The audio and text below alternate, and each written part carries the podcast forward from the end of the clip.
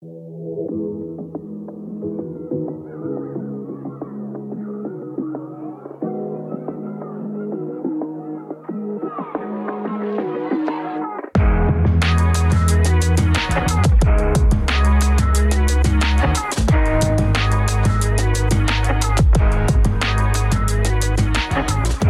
další epizodu wrestlingového podcastu Kávička, u kterého vás vítá Michal Petrgal.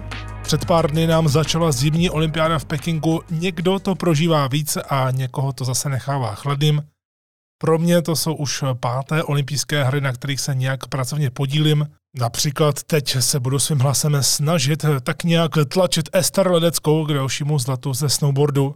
V tomto prostoru se ale nebudeme věnovat ničemu z olympiády, zaměříme se jako vždy na wrestling. A dnes bych se rád věnoval nejnovějším kontroverzím, které nás zaplavily ve velké množství za krátkou dobu. Chci se také podívat víc na to, jak AEW využívá bývalé hvězdy z WWE a určitě přijde také řada na povídání k českému komentování pořadu WWE na stanici Comedy House, kde jsme vstoupili do druhého roku vysílání. Minulé jsme ovšem začali takovým rychlým přehledem vybraných nejzajímavějších zpráv za pár minut. Je to takové ideální nastartování nejen tohoto týdne, ale také celého podcastu. Začíná tedy Military Preso. Prezident Tony Khan slíbil, že 9. února na AEW Dynamite se stane něco, co stojí za pozornost. Zakázanými dveřmi totiž prý top wrestler a debituje v AEW tak ono to bylo takové hodně zvláštní, jak to postupně vyhlašoval na sociálních sítích. Původně totiž eh, mělo být tohle jméno volným agentem a zároveň to měly být eh, ty zakázané dveře, tedy Forbidden Door.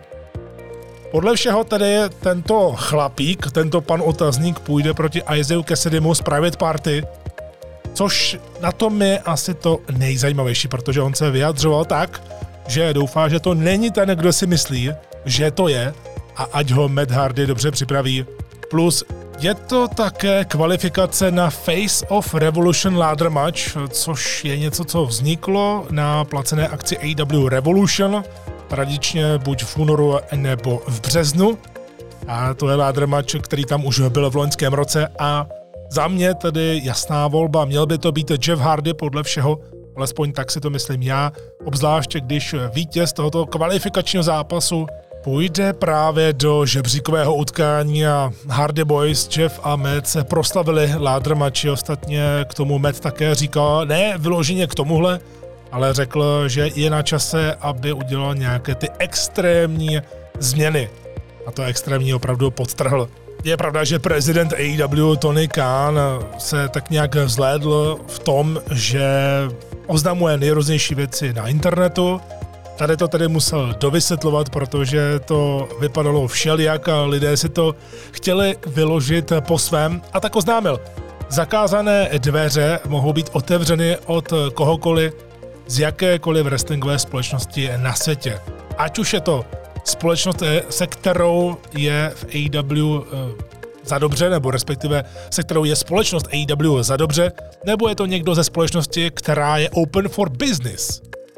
A to znamená, že takový člověk, který projde těmi zakázanými dveřmi, tak eh, bude chtít třeba i praštit s těmi dveřmi před jeho předchozí společnosti Open for Business a předchozí společnost eh, za mě je to jednoznačně eh, WWE, takže když si to dám všechno dohromady, tak to může být nejspíš někdo, kdo byl propuštěn z WWE, ale ještě mu neskončila 90-denní konkurenční doložka a má světu co říct pořád všechny indicie hovoří za mě Jeff Hardy po tom všem chaosu, jak se nakonec zjistilo, že Jeff Hardy měl negativní test na drogy, tedy test, který eh, neustále vyžadoval jeho výsledky po společnosti WWE a dlouho je nedostal a když je dostal, tak všichni byli překvapení, tedy všichni kromě Jeffa Hardyho a spolu. Samozřejmě, že i on bude muset hodně věcí vysvětlovat, obzvláště proč udělal to, co udělal na live eventu, že z ničeho nic odešel. Eh, během utkání je to dost dobře možné, že zkrátka už toho měl plné zuby. Těžko říci. V tuhle chvíli za něj mluví je Matt, ale myslím si, že pokud to opravdu bude Jeff Hardy, tak eh, ten odpovídá tomu popisu, že to je top wrestler, ať už si člověk myslí, co chce, tak Jeff Hardy rozhodně láká ten mainstream nadále.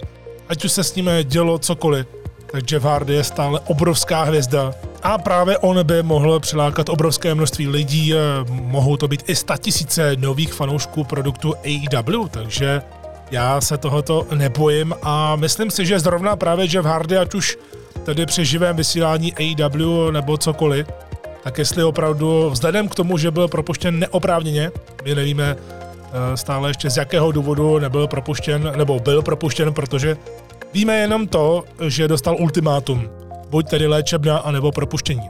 A tady se naznačuje, že pokud Jeff Hardy získal dobrého právníka a ten do toho šel, tak je jasné, že dokázali nějakým způsobem vykomunikovat z WWE to, že třeba nebudou žalovat, pokud tedy v tuhle chvíli společnost WWE ustoupí od té konkurenční doložky. Pokud ano, tak se tady bavíme zase o dalším bezprecedentním období, bezprecedentní chvíli. A Jeff Hardy, pokud opravdu prorazí teď tedy ty zakázané dveře, protože on e, sice už není v WWE, ale technicky ještě není free agent, to je potřeba říci. A myslím si, že rozhodně by o tom měl promluvit, protože pokud on bude o tom mluvit a skutečně za všechny tyhle věci byl nevinný a nějak rozumně, přirozeně se vyjádří k tomu, co se stalo v tom live eventu, ať už to bude při živém vysílání AEW nebo ne, tak lidi ho budou poslouchat.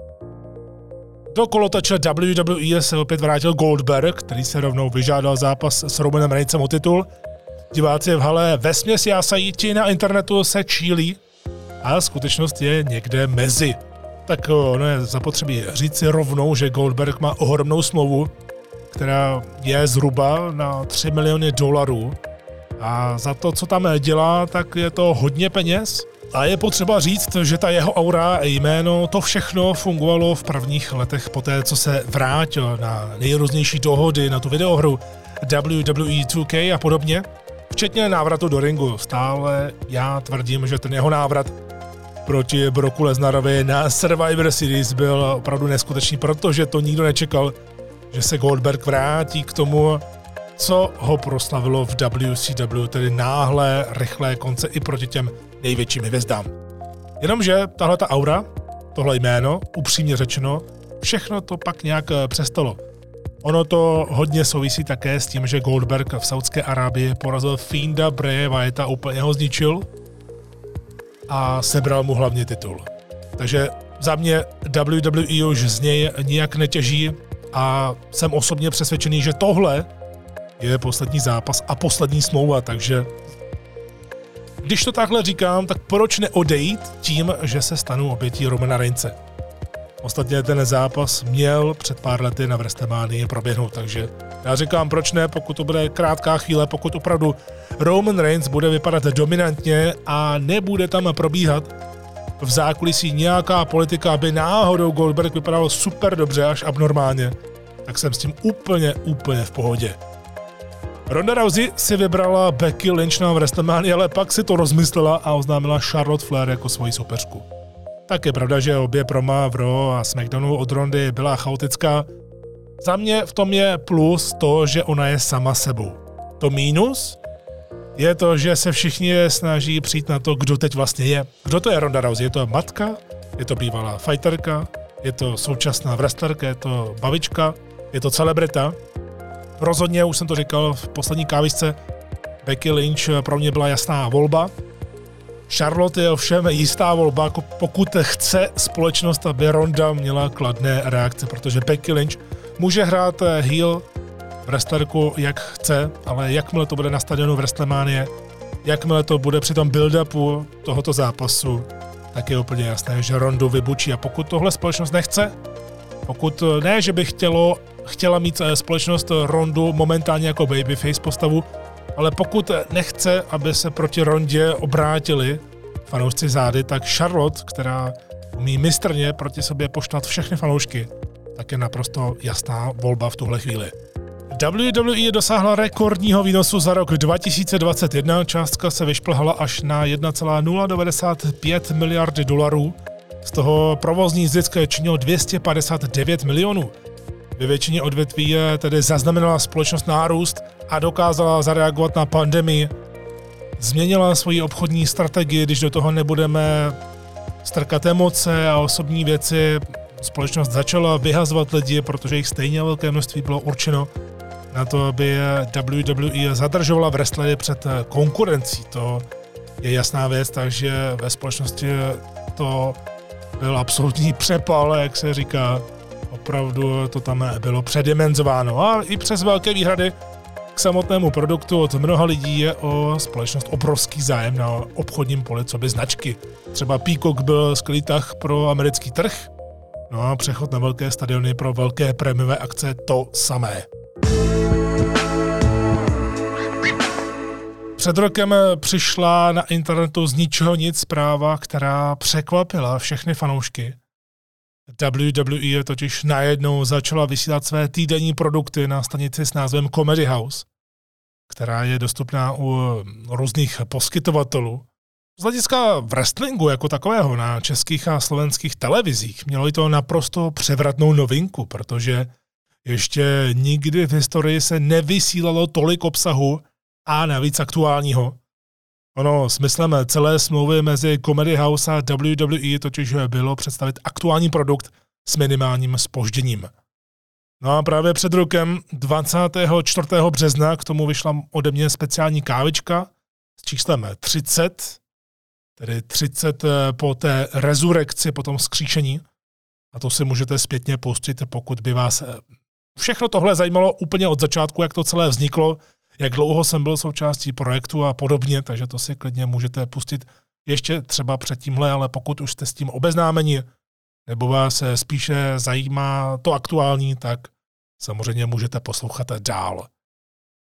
Málo kdo věděl, že kontrakt s WWE byl původně pouze na rok, ale ne na 365 dní od podpisu smlouvy, jako spíš do konce roku 2021. A protože se od začátku jednalo o zkušební projekt s potenciálním dlouhodobým dosahem, tak mu pochopitelně stejně jako každé nové věci hrozilo ukončení po jednom roce. Ona je to normální praxe a já jsem osobně na to byl dopředu už zhruba od listopadu připravený, že nemusí dojít k prodloužení kontraktu a že vánoční díly budou poslední, které natočím. Ale jak se mi vidíte, slyšíte a podobně, tak nic z toho se nestalo a smlouva byla prodloužena o další rok s tím, že jsou v ní určité změny a některé z nich vám tady můžu normálně, oficiálně a veřejně zmínit.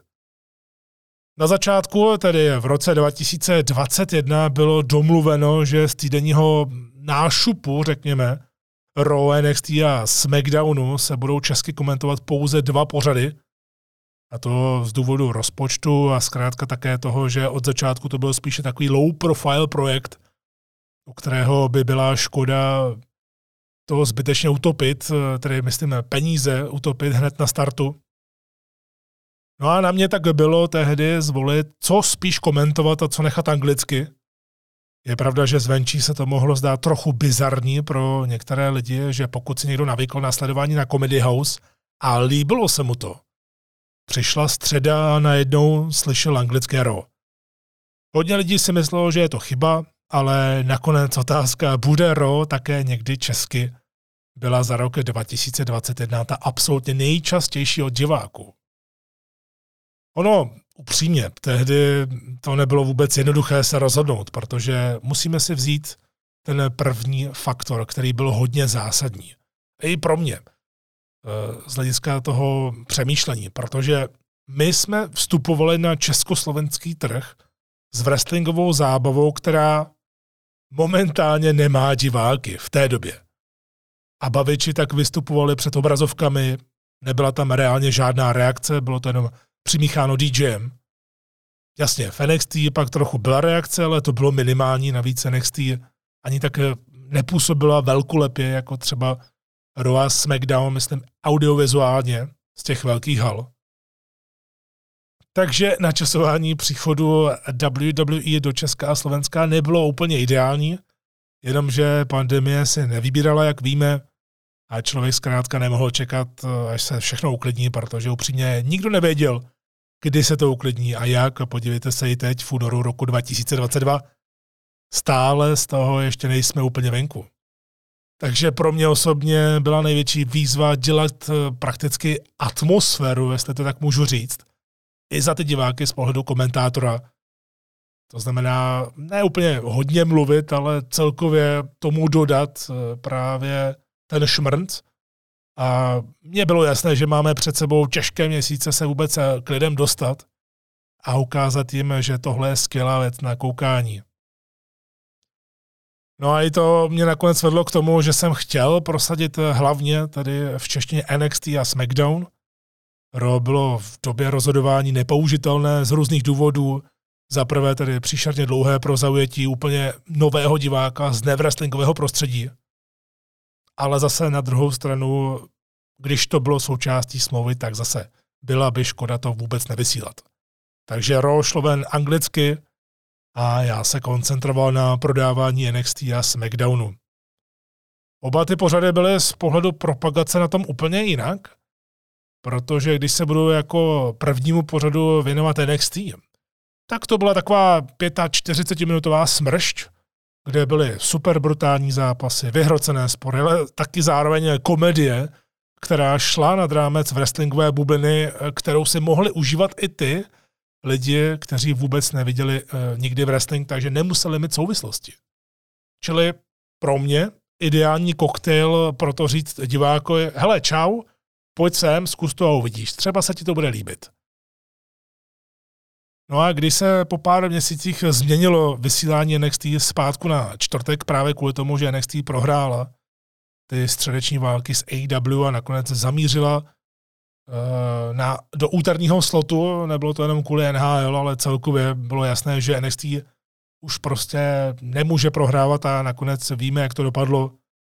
Skoro všichni, kteří za to mohli, za to, jak bylo NXT předtím skvělé, ale zase jiný brand, takže ono to bylo skvělé, ale nebylo skvělé. K tomu se někdy třeba ještě dostanu. K tomu porovnávání NXT eh, Black and Gold brand a NXT 2.0. To je možná na, na dlouhé povídání, protože já v tom vidím klady i zápory v obou. Ale to je teď eh, jedno.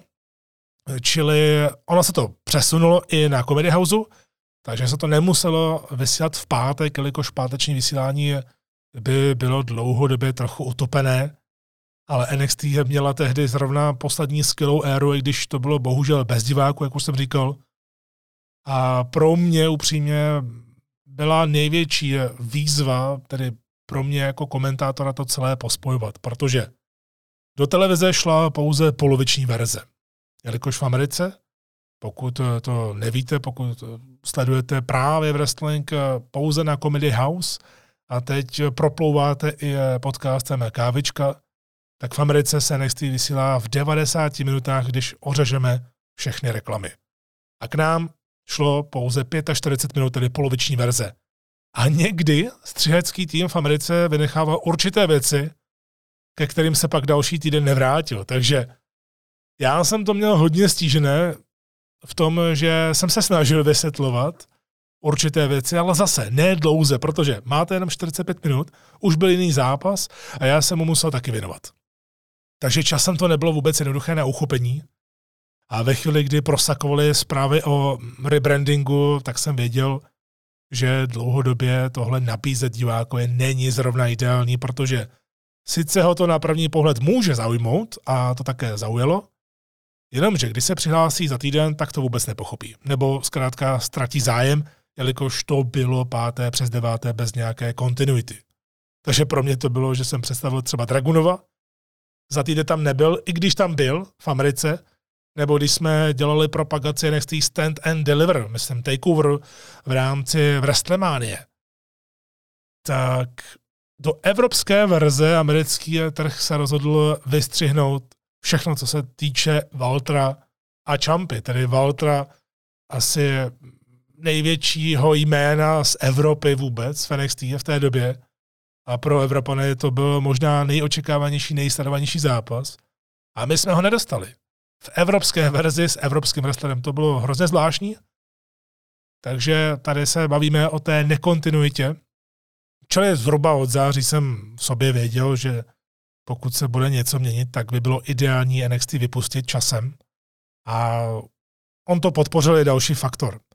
A sice absolutně minimální zájem ze strany diváků přes aplikaci Tele na internetu. NXT na tom všem, nebo respektive NXT na tom ze všech tří pořadů byla nejhůř, byť pro ty, které to zajímá, tak neexistuje žádná absolutní sledovanost, jak to měřit a podobně. Nedají se dohledat čísla, obzvláště ne u kabelových operátorů. Takže ten úplný mini vzorek si můžete udělat pouze z toho, když zákazník klikne na internetu třeba přestali na program WWE a to je opravdu hodně malé procento diváků, takže z toho se eh, nedají dělat ani nějak koeficientem absolutní čísla. Navíc pokud je nějaká eh, sledovanost nebo nějaké trendy, tak eh, ke mně, co by komentátorovi, byť jsem na startu toho projektu a celkově jsem byl jeho součástí od začátku, tak tohle jsou přesně věci, které jsou určené vedení jako takovému, já to naprosto respektuji. Já jsem ten služebník, ten dělník pro lidi, eh, který právě komentuje tyhle ty věci. Takže ne, že by mě to nezajímalo, ale jsou určité úrovně, jsou určité hranice a zase vyloženě šťourat, jestli dostaneme nějaká procenta eh, sledovanosti a nějaké grafy a podobně, eh, to mi přijde zbytečné, protože nejdůležitější je to, že se to stále vysílá, protože pokud by o to nebyl zájem, ať už ze strany diváků nebo ze strany samotné společnosti, což je to nejdůležitější, tak by to tady nebylo. No a právě eh, z toho mini vzorku diváků NXT dopadala nejhůře v ten čtvrtek. Přesto mohla pokračovat dál. Ono to bylo víceméně na mě, ale já jsem si říkal, že jestli něco změnit pro rok 2022, tak spíš směrem k posloupnosti a souvislostem. Obzvláště když už NXT nebyla vnímána jako třetí brand, za to mezi Raw a SmackDownem často unikaly lidem spojitosti, pokud jednu věc měli česky a druhou zase ne. Samozřejmě tady se nabízí taková ta častá otázka nebo nějaký ten komentář, když už se něco koupí, tak eh, se může objevit, eh, kupte ještě AEW nebo proč jste nekoupili AEW. Takhle to zkrátka nefunguje, protože je, je nějaká nabídka, která přijde určité společnosti a ta nemůže odmítnout a říct, ne, ne, ne, my chceme to druhé, přestože to druhé ani v nabídce není a podobně.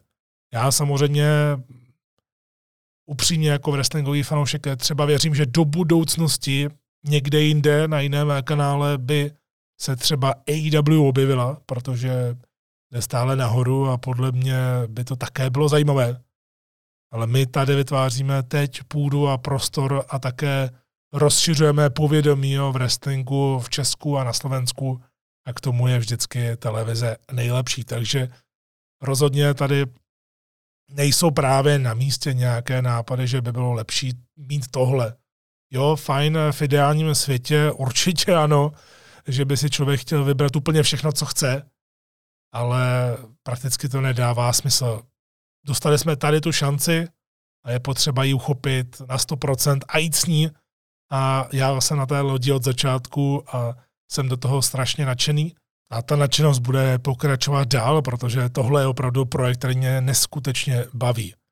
Takže zpátky k tomu, co jsem chtěl říci. SmackDown eh, jsem si tehdy vybral, protože byl absolutně nejčerstvější. Navíc dlouhodobě vykazoval z produktu WWE tu největší vyrovnanost a délka 90 minut byla taková krásně přijatelná pro nového diváka. Takže SmackDown byl opravdu mega čerstvý a to tak, že ve chvíli, kdy se odvysílal v Americe, tak k nám do Česka přetekl a dopoledne už se mohl komentovat, aby se večer odvysílal. Navíc v březnu roku 2021 jsme vstoupili do rozehrané éry Romana Reince, která fungovala v televizi krásně.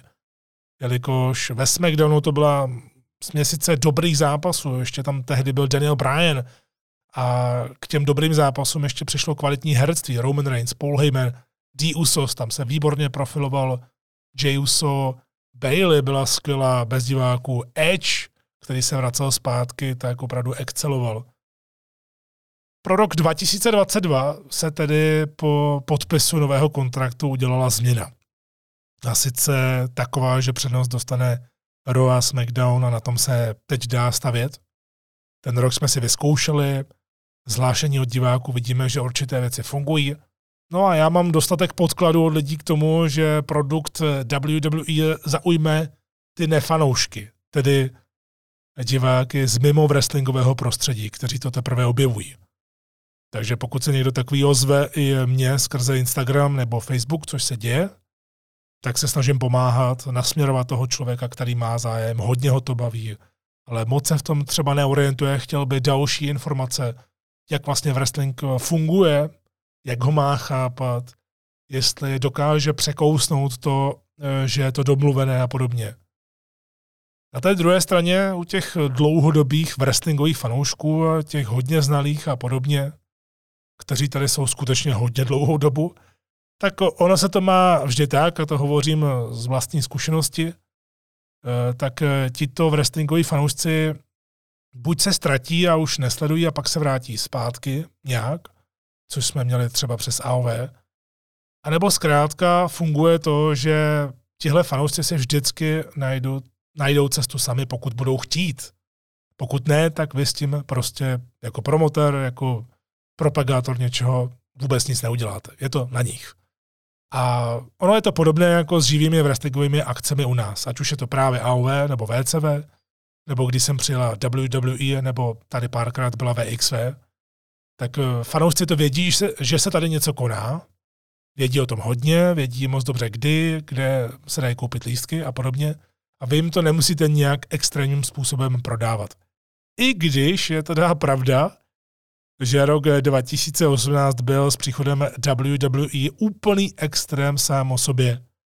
A sice absolutně nezvládnutá situace od promotéra Live Nation, který se tady o to měl starat, ale prakticky se na to úplně vykašlal a neudělal pro rozšíření povědomí o tom, že vůbec tady nějaká akce je, tak neudělal nic, no a výsledkem samozřejmě byla poloprázdná, ještě méně než poloprázdná hala autora na byť. My jsme si to hrozně moc užili, včetně toho wrestlingového srazu fanoušků před eh, tou akcí, kam přišlo opravdu obrovské množství lidí a za to jsem byl hrozně rád, tak my jsme si to užili, ale je jasné, že ten úspěch tam v tomhle smyslu prostě nebyl. Takže v tomhle směru jsem chtěl říct, že WWE na Comedy House má svoje stále wrestlingové fanoušky. Ale nachází si úplně nové diváky a já osobně z tohohle, z toho mám absolutně největší radost. Hlavně mám radost z toho, že máme pravidelně, to je potřeba říct, máme pravidelně tři a půl hodiny v wrestlingu týdně, to všechno kompletně v češtině, která mnohým lidem pomáhá se ve všem orientovat, jelikož já to nekomentuju striktně podle Announcers Bible, kterou jsem na začátku kontraktu dostal od té WWE, ale komentuju to pro Čechy a Slováky, aby to bylo lidské a srozumitelné.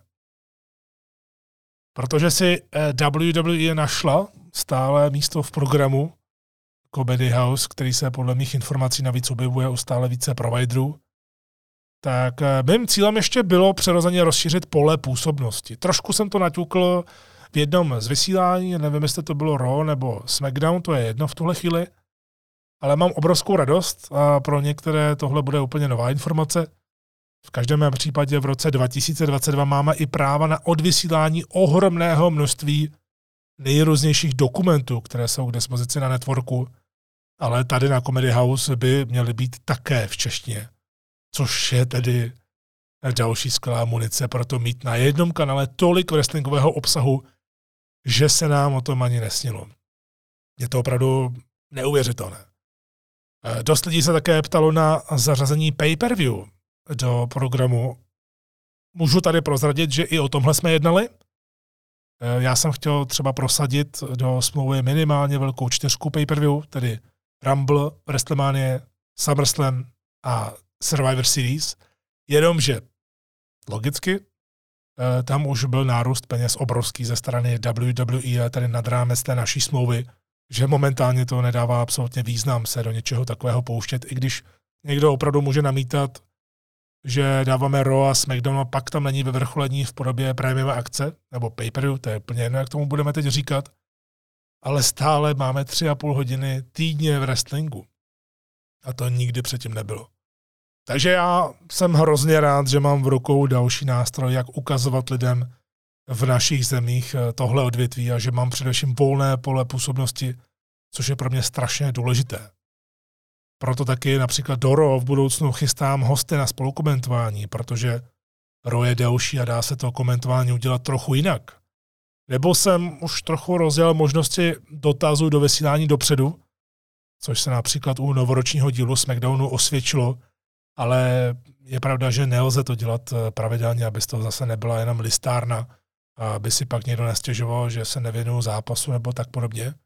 Každopádně máme více fanoušků a věřím, že rok 2022 bude ještě lepší, protože už od začátku máme haly plné diváků a to hodně eh, pomáhá z toho audiovizuálního hlediska. Ještě se dostanu k poslední věci, na kterou se lidé ptali, a sice jak se to komentuje tady u nás. Tak já Raw a SmackDown dělám stejně. To znamená ráno po odvysílání v Americe to nakomentuju ze studia bez jakýchkoliv spoilerů a jakoby naživo. Sice to není naživo, to znamená, že vy, když se na to díváte večer, ve středu Raw, o to jsme v sobotu, o to jsme SmackDown, tak já v tom studiu fyzicky nejsem, už je to přetočené protože živě se to prostě dělat nedá. Myslím tím živě, že já bych byl v tom studiu ve chvíli, kdy uh, to probíhá. Což samozřejmě pro diváky, pro dotazy diváků by bylo možná třeba nejlepší, ale takhle je to opravdu nejlepší pro zachování toho projektu. No a celkově živě to dávat úplně, to znamená v noci, byť to máme ve smlouvě, že to můžeme dávat živě, tak nedává absolutně žádný smysl, protože by to nikdo nesledoval živě. Máte tam strašně moc reklam, eh, stejně by si to pak každý pustil zpětně, takže to absolutně nedává žádný smysl. Nehledě na to, že by to bylo neproveditelné i z mé strany, takhle dlouhodobě. Takže já to komentuju jakoby naživo. V tom je prostě ta největší výzva, kterou já osobně mám strašně rád, že oproti komentátorům přímo na místě, tedy Jimmy Smith, Cody Graves, Michael Cole, Pat McAfee a podobně, tak já nemám u sebe žádný bodák. Nemám u sebe žádný papír, co zhruba se může eh, ve vysílání chystat. Takže kromě dopředu oznámených eh, zápasů a segmentů na oficiálních stránkách společnosti prakticky nevím vůbec, co se tam stane eh, v té hodině a půl ve dvou hodinách. A tenhle ten způsob nevědění, já jsem si prostě zvolil, aby to bylo pro diváky co nejautentičtější, včetně překvapení a dalších věcí.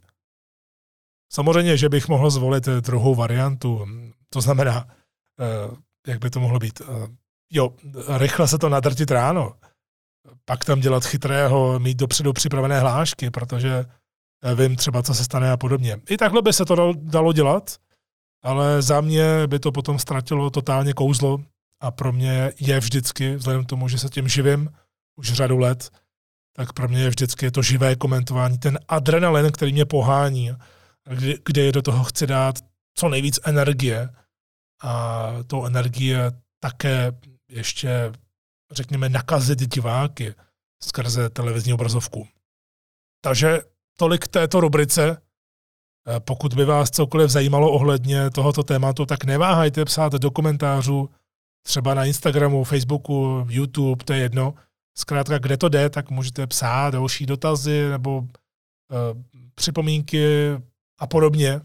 A já se budu těm dalším dotazům, které by se neopakovaly k tomuto tématu, tak se jim budu věnovat v jedné z příštích epizod kávičky.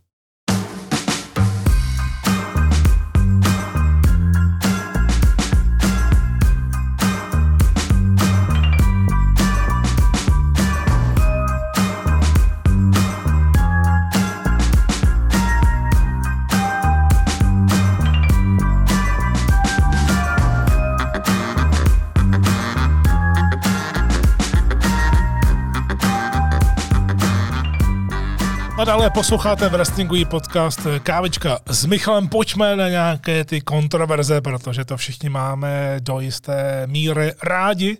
Royal Rumble skončil a hned další dny po mé recenzi se vyrojily absolutní šílenosti kolem toho. Těžko tomu věřit. V každém případě, pokud jste ještě neviděli Rumble, nebo pokud byste rádi věděli, co jsem o tom říkal, tak si puste minulou kávičku – tedy první v letošním roce, kde jsem se recenzi věnoval zhruba v jedné hodince. No, eh, tak ta kontroverze jako taková rozhodně není, když řeknu chaos v zákulisí WWE, protože na to jsme ostatně zvyklí. Ale že zrovna ten chaos a celkově nějaké takové zvláštní chování bude dělat Shane McMahon, tak eh, to podle mě asi nečekal nikdo z nás. Možná někdo má svůj vlastní názor na Shayna, že mu moc nesedí, že je to přece jenom Vincův syn a podobně. Tak pro mě samotného to bylo obrovské překvapení, protože Shayna jsem tak nějak vždycky respektoval, jestli se mi líbily ty věci, které dělal v posledních letech, když tam byl, tak to s tím moc nesouvisí, když samozřejmě byly to věci, které byly dost na hraně, hlavně asi jeho best in the world charakter, eh, to, jak vyhrál ten turnaj, to, kdo je vůbec nejlepší wrestler na světě, tak to mělo působit jako naschvál, že on se všem vysmívá, ale spíše se to otočilo vůči WWE a navíc to, co mohlo znamenat, že The Miz bude opravdu obrovský babyface, což on zvládne, tak eh, bohužel to přišlo v niveč, což je obrovská škoda, ale podle mě absolutní dno asi bylo to, když Shane McMahon měl být heel proti Brownu Strowmanovi a měl mu neustále říkat, že je to stupidní člověk. Tak eh, to bylo absolutně nekreativní a také to byla konečná pro Shane. Ale on se sám objevil jako překvapení na Ramblu, sám byl jako producent uh, Rumble meče mezi muži, což je zvláštní, že tam dlouhou dobu není a on nebyl ani v zákulisí předtím a teď přijde a rovnou se stane producentem. To už nevěstí nic dobrého, to je pravda. A pokud vám ty informace unikly, tak já jsem to schválně nedával ani do military presa, aby se k tomu rovnou tady mohl spíše eh, obšírněji vyjádřit, tak eh, po Rumblu byly na něj ohromné stížnosti, jak vedl právě ten Rumble match. Eh, co tam chtěl prosadit. Protože když byl součástí Ramblu jako talent na obrazovce, tak on se chtěl co by producent sám zveditelnit. Není to žádná novinka, že tohle někdo dělá, v WCW to bylo naprosto běžné, je to prostě zákulisní politika, wrestling je o egu, jsou tam samý narcisové, někdo víc, někdo míň. Takže tohle není žádné překvapení, ale rozhodně je to překvapení v tom smyslu, že někdo přijde, rovnou se stane producentem, bude součástí jako překvapení. To by bylo ještě fajn. Ale změní ten průběh toho zápasu tak, že najednou někteří, kteří mohli vypadat lépe, Kevin Owens, AJ Styles a další, tak vypadali úplně trapně. A to, že Shane McMahon, Nevrestler, skončí mezi nejlepšími třemi, to mohl a také asi to byl pro některé plivanec do tváře. Jenomže tím to rozhodně neskončilo, proto o tom tady nemluvím. Protože věci nabrali rychlý spát, jelikož se o tom hovořilo strašně moc. Tahle ta informace o tom, jak Shane McMahon zneužíval svoji moc v zákulisí, jak naštval strašně moc lidí, jak eh, kvůli tomu právě Rumble nedával vůbec žádný smysl. Eh, podle mnohých lidí, že byl nudný a podobně. Eh, tak je strašně zajímavé, že tohle něco způsobilo, protože já třeba dělím deseti, někdy dvaceti, někdy se tomu vůbec nevinu, když je ve zprávě napsáno reportedly. To slovo absolutně nesnáším, tedy údajně, protože obzvláště Dave Meltzer, asi nejslavnější wrestlingový novinář, ten často právě takovéto, takovéto věci vydává. A častokrát se dozvíte, že si to buď vymýšlí, anebo prostě a jednoduše má jenom nějakou mini informaci a je, doká- a je schopen, to zase klobou dolů před ním, je schopen z té mini informace Eh, udělat novinku pro nás všechny ostatní, kteří to buď čteme, nebo pak z toho chceme zase udělat novinku, protože jsme třeba na nějakém wrestlingovém webu nebo na stránkách Facebooku a podobně. A takhle se to šíří po celém světě. A já jsem na to vyloženě alergický, takže rozhodně to, jak jsem říkal, dělím 10, 20, někdy stem, eh, když něco takového vyjde. Ale tady to opravdu nabralo ohromný spát, protože první dva dny po Ramblu se hovořilo o tom, eh, jak Shane bude na Elimination Chamber, jak bude na WrestleMania, že bude součástí velkých plánů. To samé. Zase to bylo údajně, tedy něco ze zákulisí, někdo něco pronesl, protože samozřejmě tam jsou zaplacení lidi, aby vytahovali informace ze zákulisí. WWE s tím má letité problémy a nedokáže buď přijít na to, kdo to je, anebo je jí to úplně jedno, neře, neřeší to a zkrátka to řeší jenom ve chvíli, kdy nechce pustit nějaké věci, ale uh, oni se stejně objeví venku, tak pak to řeší a trestá. Jenomže ten příběh se dostal opravdu tentokrát úplně všude možně a nezmiňovalo se nic jiného, takže Rumble, který zaznamenával rekordy ekonomické, náštěvnostní, když to nebyl nejnavštěvovanější Rumble v historii, o tom nejde, ale bylo to na stadionu. Lidi si to víceméně užívali. Na stadionu určitě. Tam byla obrovská atmosféra. Tak tohle všechno přijde pár dní po úžasných zprávách, jak to bylo pro WWE eh, marketabilní, jak to bylo úspěšné. A najednou Rumble jako takový, který má být oslava toho, že jsme fanoušci, tak eh, měl pachuť. Já sám jsem recenzoval Rumble, kdybych mu měl dát nějaké hodnocení, tak bych se přikláněl třeba k 60 bodům ze 100. Možná by to spíš směřovalo k tomu, k té 50. Co ale není nic e, strašidelného, já jsem si Rumble celkově užil. Ostatně o tom jsem hovořil. Ale protože v Ramblu e, byla megastar, já to stále nechápu, ale přečetl jsem si o něm, ale neposlouchám ho, ale zkrátka Bad Bunny musí být obrovskou hvězdou. Jak říkám, já tohle to nechápu, nerozumím tomu. Ne, že nechápu, proč je hvězdou, o to nejde, ale já tohle odvětví hudební nemám nějak zmapované, ale bylo mi úplně jasné, že když vyprodá celé turné, celé, řekněme, stadionové turné po Americe, tak něco musí si dělat dobře a musí být strašně známý. Takže to, že Bad Bunny byl v tom zápase, tak to ještě zhoršilo, protože samozřejmě WWE se logicky musela bát toho, jestli náhodou Bad Bunny nebude někde mluvit o tom, jaký to byl chaos, jestli Bad Bunny třeba neměl s něčím problémy. A možná ano, protože tohle všechno nakonec se vyeskalovalo eh, v to, že WWE jednala hned, to je docela netypické na ní, protože často mlčí, víceméně brání toho daného poškozeného člověka, v tomto případě Shayna, ale tady naopak to bylo brácha nezná bráchu, tedy spíš táta nezná syna, protože Vince tak nějak potichoučku vyhodil Shayna ze společnosti. Jak co by talenta, což je tedy to slovo talent eh, pro někoho, kdo vystupuje na obrazovce, tak i člověka v zákulisí. I když nikdo neví, jestli se třeba nevrátí, nebo co zatím vším bylo. Takže já si to pořád nedokážu úplně představit, vzhledem k tomu, jak skvělou reputaci vše měl u wrestlerů a taky veřejnosti. Obzvláště, kdy se vracel zpátky a vypadalo to, že bude součástí e, nějaké velké změny uvnitř WWE, což nakonec nebyl. Takže na tomhle příkladu můžeme krásně vidět, jak je WWE opravdu uvnitř překombinovaná. Můžete dělat hejty na WWE, že něco nedává smysl, že proč tohle dělají, proč tohle opakují a podobně. A myslím si, že některé věci jsou zakořeněny právě v takovýchto záležitostech. Že zkrátka dobře na některé věci nemají nejužší členové vedení vliv, byť se to může zdát hodně zvláštní, ale nemají vliv, dokud se něco nestane. Takže opravdu hodně událostí na obrazovce může vypadat stupidně, protože prostě došlo k chaosu v zákulisí Eh, k nějakému řvaní a podobně, celkově eh, k hodně špatné atmosféře, což teď asi eh, v WWE možná panuje.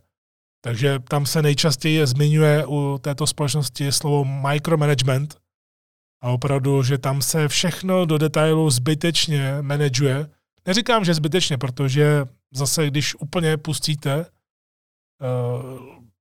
lidi ze řetězu, tak uh, máte zase jiný druh chaosu což jsme ostatně viděli taky už několikrát eh, v AEW, takže není dobré ani to, ani to, musíte najít nějaký ten zlatý střed. Jenomže tohle věc je absolutně bezprecedentní, protože uh, eh, WWE vždycky vnímala Shina i jako velkou hvězdu na obrazovce, jako člověka, který dokáže prodávat uh, lístky. A tomu jsem věřil předtím, když se Shane třeba vracel a měl mít nějaké velké zápasy. Měl mít třeba Hell s Takerem na WrestleMania. Tam si skočil. Jak víme, Shane si vždycky chce z něčeho skočit. A tam to mělo podle mě skončit, protože Shane se vrátil, všichni byli totálně na větvi z toho, že po tak dlouhé době zase před dětma, před manželkou a podobně, tak skočí a nechá se úplně šikanovat Takerem.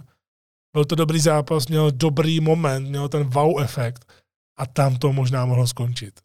Samozřejmě pobyt je každý generál, to jo, ale opravdu tam, kdyby Shane skončil a už se objevil právě třeba takhle na Ramblu jenom kousíček, tak by byl podle mě milovaný. Ale teď dostal padáka bez milosti na základě toho, co se všude psalo. A to ještě toho určitě nevíme moc. Tohle podle mě může být jenom špička ledovce možná se některé věci odkryjí. Čili tímhle tím prakticky WWE přiznává, že mužský Rumble asi nebyl úplně pochutí lidí, že postrádal nějaké to větší vzrušení, nějaký ten větší smysl třeba. Jak říkám, já jsem si mužský Rumble víceméně užil podle svého. Ale teď je vůbec otázka, jestli jde takovýmhle věcem předejít, protože co s tím máte dělat, pokud tam máte strašně moc lidí a každý má jiné preference, někdo se zblázní ten den, někdo tam už jde s tou agendou. To je absolutní šílenost. Takže jestli jde takovýmhle věcem předejít a jak byste tomu předešli, to je taky další dobrá otázka. Zase, když jsem říkal, že u Shina bych tohle v životě nečekal, tak člověk si pak přečte, že třeba Diamond Dallas Page říká, že tohle to všechno může být work, že to všechno může být storyline. Je to pravda, může to být storyline, ale vzhledem k tomu, jak to celé vyeskalovalo, tak úplně nevěřím tomu, že by se to teď vrátilo a přetočilo do nějakého příběhu.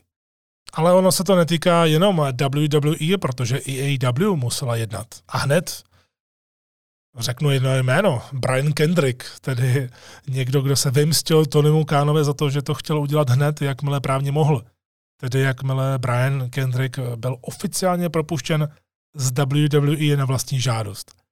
Tady zase máme jiný příklad, a sice příklad cancel culture, a to v plném proudu, každý na to má e, svůj názor, speaking out, e, me too a podobně že tahle ta společnost eh, začíná být hodně zvláštní, když můžete někoho uznat vinným na základě něčeho, co nemáte ani podložené, bylo to před 30 lety a podobně.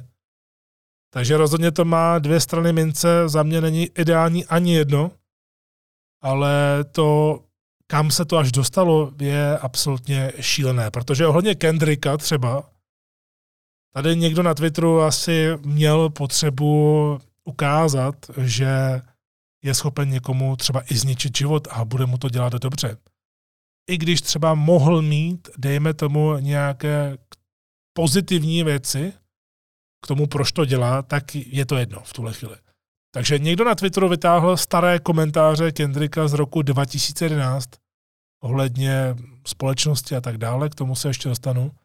A chytil se toho novinář, který zase na Twitteru měl docela following, měl lidi, kteří ho čtou, lidi z wrestlingové branže a tohle už se pak rozjede samo. Pokud to někdo takhle sdílí.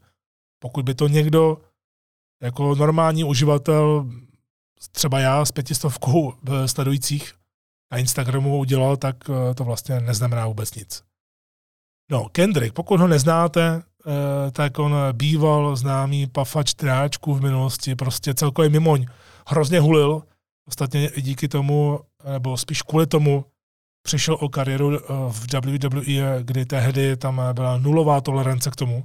Teď těžko říct, jak to mají. Myslím si, že Matt Riddle buď přestal hulit, nebo má výjimku, nebo zkrátka dobře, už se na to kouká trošku jinak, nebo jestli je to v nějakém omezeném množství. Takže Kendrick byl vždycky tak nějak mimoň, ale že by někomu obližoval, to rozhodně ne. Bohužel, ale tehdy před více než deseti lety říkal eh, hodně mimoňské věci na video, právě bohužel na video. To je právě to, proč o tom hovořím, o cancel culture a podobně. Hovořil tam o, iluma, o iluminátech a také o tom, eh, že navštívil přednášku konspirátora, který prosazuje různé teorie proti židům, Eh, zmiňoval střílení ve škole Sandy Hook, také, že holokaust buď, že byl vymyšlený, nebo zkrátka dobře se to kolem něj přehání, což vlastně říkal i o pár let později. To možná už může být trošku zavádějící, protože se dostáváme už velmi blízko tomu, kdy Kendrick se vrátil zpátky do WWE v rámci Cruiserweight Classic v roce 2016. A tehdy se o tom hodně mluvilo, o těch emocích, jaké, jaké měl s Brianem Danielsonem a podobně. No jak jsem říkal, Kendrick měl s trávou vždycky problémy, ale tady je nejsmutnější na tom to, že ten současný Brian Kendrick se s tím nestotožňuje. Omlouvá se. Veřejně se omlouvá po té, co mu Tony Khan zrušil ten zápas na AW Dynamite s Moxem. A sám říkal, že ví, že s tím musí žít do konce života, přestože se s těmi názory už nestotožňuje a podobně. Jo, někdo může říct, že lže a podobně. Ale stejně i přes tyhle omluvy on se vůbec nějak eh, nevymlouval na nic. Stejně i přes tuhle za mě upřímnou omluvu ho lidi totálně ugrilovali. Úplně neuvěřitelně. Samozřejmě to, co zmiňoval předtím, nejsou určitě věci v pořádku. Byť se na to už teď eh, po x letech eh, člověk v rámci těch všech fake news a, a dezinformací a konspirací, tak se na to dívá trošku jinak, protože máte informace, víte, kde se je můžete dohledat a podobně. On měl prostě tu smůlu, že je známý člověk, řekl to na videu a tehdy nepomyslel na důsledky, což samozřejmě chápu. No a Tony Khan na to hned zareagoval, že odstranil právě Kendricka, jak jsem říkal, ze zápasu s Moxem. A tohle je stoprocentně krok, který prakticky zabije Kendrickovou kariéru. Pokud si někdo takhle vlivný jako Tony Khan něco neudělá v budoucnu, tak rozhodně s Kendrickem už teď nebude chtít mít nikdo nic společného při té současné kultuře obvinování se bez důkazů a po 30 letech a tak podobně. Takže Kendrick už teď, bohužel tady až teď, ví, že si má dávat pozor na to, co říká, kde to říká. Obzvlášť teď v dobách sociálních sítí je to ještě tragičtější v tomto směru a může to být katastrofálnější. Upřímně ho trošku lituju, ale my nemůžeme, my nemusíme chodit moc daleko, protože třeba velkou obětí se poté stal Velveteen Dream, který taky ponese následky až do konce svého života.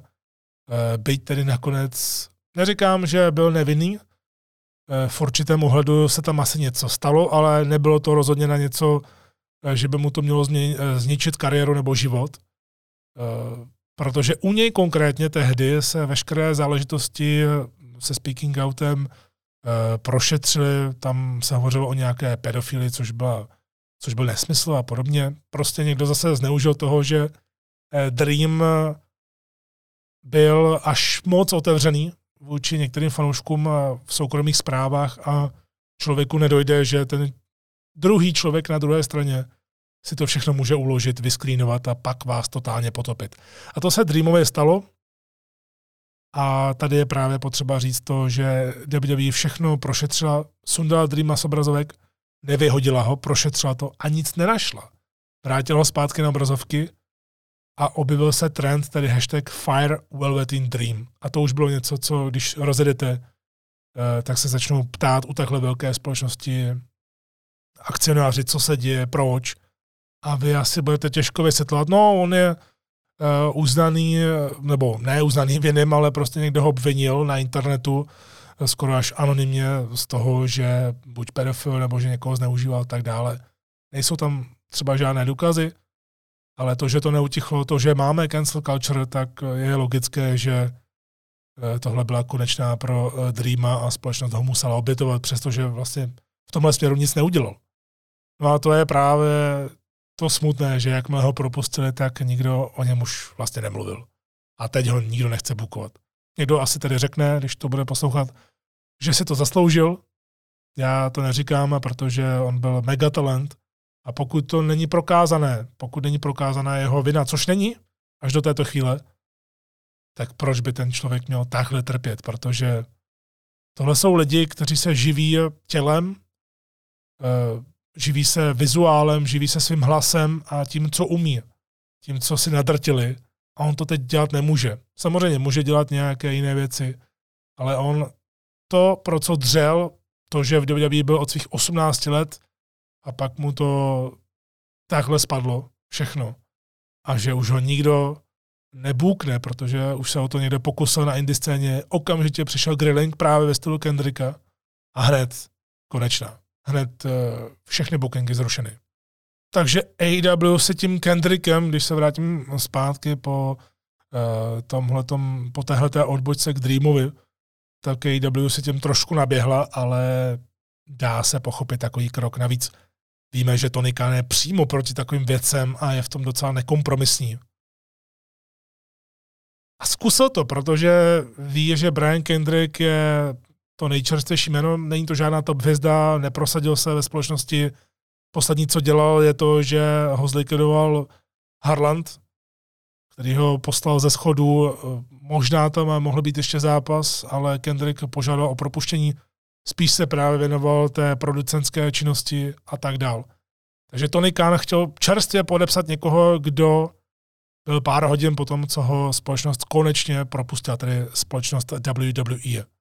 A já jsem si všiml, nejenom ohledně Kendricka, ale celkově už právě proto jsem o tom chtěl mluvit, tak u toho Kendricka už to bylo takové potvrzení toho, eh, čeho si všímám v poslední době. A to je věc, kdy lidé už na to začínají být trochu alergičtí, že AEW podepisuje jednoho bývalého wrestlera WWE za druhým. A k tomu bych taky chtěl něco říct, eh, protože samozřejmě pokud to někdo takhle cítí a ovlivní zase další lidi tím negativním uh, způsobem, tak já bych tady chtěl fungovat jako eh, člověk, který uvádí některé věci na pravou míru nebo jim dává i trošku zase toho druhého pohledu, Eh, protože u AW to nemůžete vnímat tak, že pokud uvidíte grafiku někoho, kdo byl v WWE nebo řekněme v NXT, teď naposledy to byla Vanessa Bourne, která taky byla loni propuštěná a teď se objevila v Darku, eh, tak tam je potřeba to odlišovat. Ne každý, kdo je ex WWE a objeví se na grafice, nemyslím is all elite, jak se Eh, momentálně říká všem, kteří podepíšou smlouvu s AEW, ale celkově, když vidíte, že je v nějakém zápase, že debitoval nebo se toho chytí eh, v wrestlingová média a pod tím jsou šílené komentáře, že zase,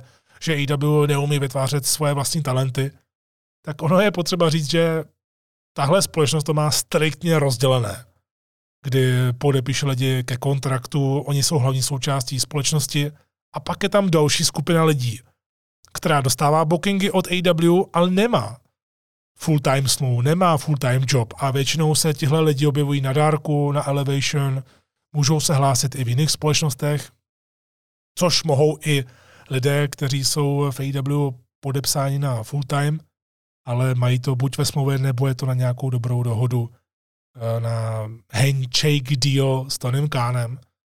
Takže tvrzení, že AW bere hned každého z WWE, není úplně tak pravdivé. E, samozřejmě, že těch lidí je strašně moc, ale třeba u Kendricka by to bylo určitě jinak, protože, jak jsem říkal, on byl už napůl v důchodu a navíc do toho programu právě proto byl napsán do utkání s Moxem, e, tak to bylo právě kvůli tomu, že s Brianem Danielsem jsou velcí kamarádi, vyrůstali spolu v wrestlingově.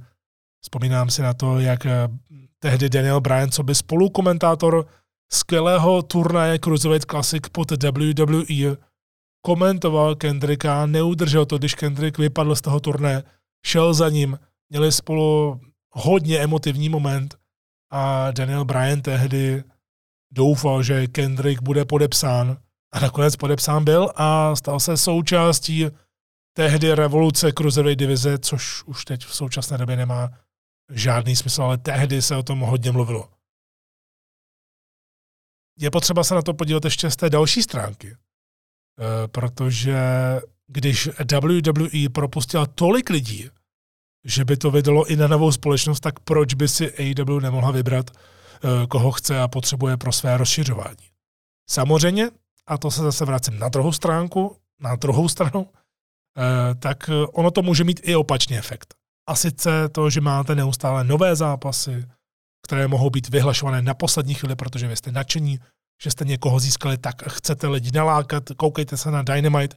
protože celkově AW má velmi dobré prodeje vstupenek, tak na poslední chvíli nemusí třeba lákat na někoho, aby ještě prodala třeba o 100 vstupenek více, ale spíš bude lákat na to televizní vysílání.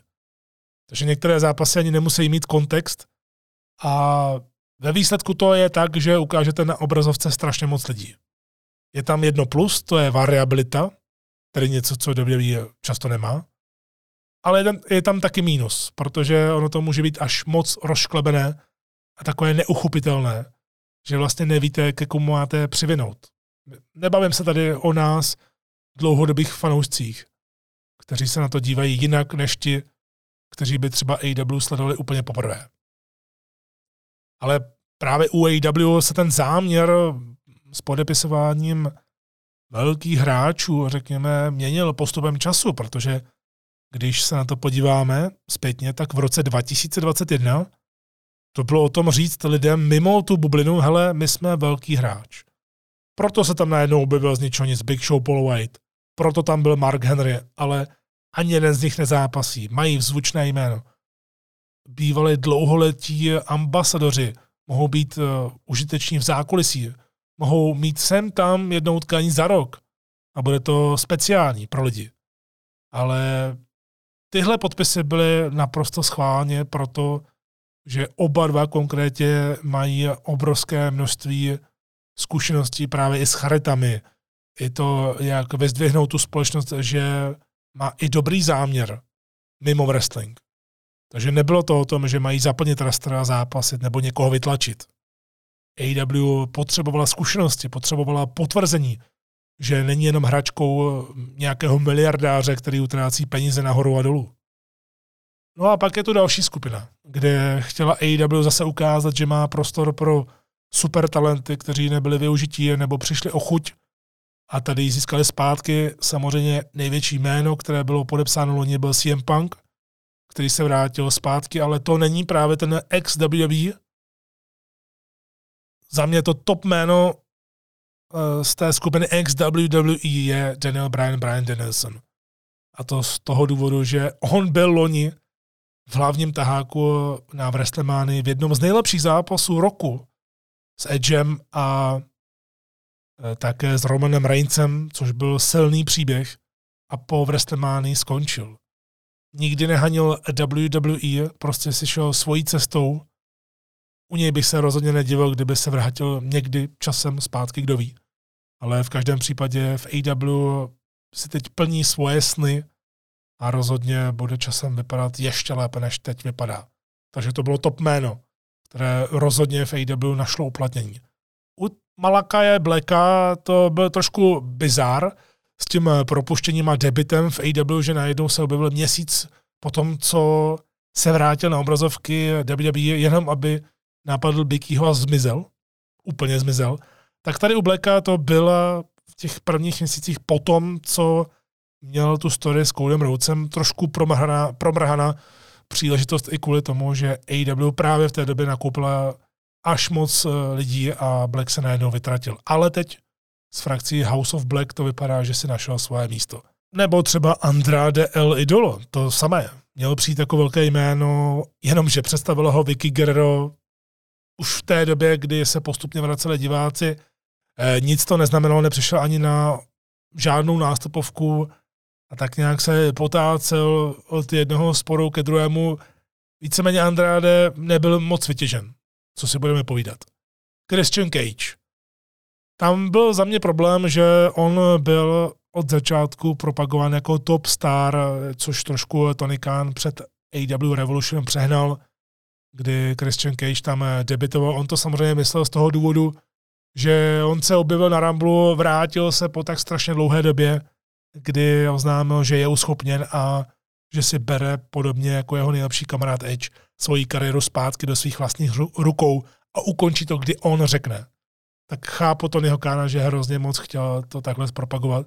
To se nepovedlo na začátku, ale Christian Cage měl fenomenální rok a ukázal, že je připraven mít skvělý závěr obnovené kariéry právě podobně jako Edge na té druhé straně.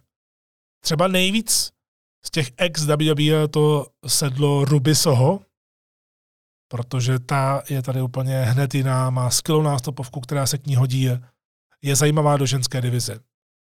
Asi nejvíce reální pocit je pro mě, že vidím v AW pospolu Adama Cola, Bobbyho Fische a Kyla O'Reillyho ex Undisputed Eru, že se takhle objeví postupně v AW. Tak Adam Cole do budoucna může být totálně největší hvězda AW, byť si ho AW nevypěstovala od začátku. On prostě vypadá cool. Všechno kolem něj vypadá cool, i když někdy je to právě hlavně a jenom o tom, že říká to svoje jméno Adam Cole Baby a ještě boom. Samozřejmě má skvělé zápasy a podobně. Ale tenhle ten problém už měl NXT, že někdy je to prostě jenom o tom, že je to Adam Cole a nic víc. Ale tím neříkám, že to není velký kauf pro AW, protože je. Ale zase z té druhé stránky to neudělá moc rozdíl, protože upřímně všichni tři se NXT nikdy nepodívali do Raw nebo SmackDownu, takže nezískali ten velký following. Ano, mají ten following velký u fanoušků, ale u těch fanoušků, kteří už sledovali NXT a AEW třeba dohromady, takže právě z tohoto hlediska získáte tři skvělé pracanty, tři skvělé dělníky, výborné wrestlery a potenciálně třeba i nějaké ty hvězdy do budoucna, ať už v singlu nebo v tech týmu, protože Bobby Fish a Kyle O'Reilly jako Red Dragon, ty já jsem miloval už od ROH, ti prostě vypadají fantasticky spolu, včetně toho zakončováku, jaký mají. Takže rozhodně se na to těším. Ale právě z hlediska toho přidání, že by se lidi měli víc dívat na AW, tak eh, tahle ta jména tomu prostě nepomůžou. Čili AW se musí především vyhnout tomu, aby nepřehnala svůj růst. Něco jako WCW. Aby nešla cestou, že bude mít najednou tolik wrestlerů, že je stejně pak bude muset nechat odejít. Ostatně to už jsme viděli, odešel Brian Cage, skončila smlouva i Marko Stantovi a myslím si, že budou další a další. Takže přibudou odchody z AW. A tím jsem se dostal na konec dnešní kávečky. Na závěr vás ještě pozvu na to, na co jsem byl pozvaný já, tedy můj kamarád z wrestlingového prostředí Scully Lukáš, eh, dělá tradičně už teď několik týdnů v kuse na Twitchi streamy, kde jednak hraje bulánky se svými hosty a jednak eh, je tam také takový neformální pokec a já jsem byl pozvaný, abych tenhle čtvrtek 10. února přišel k němu na stream jako host, takže pokud byste neměli co dělat a měli byste chuť si s námi dát takový příjemný, krátký večer u bulánku a neformálního pokecu, tak se stavte na Twitch Skull Evil. Ale v tuhle chvíli je to už eh, vše z dnešní kávičky. Já vám moc děkuju za pozornost a také za vaši podporu. Mějte krásný zbytek tohoto týdne, opatrujte se a káva s vámi.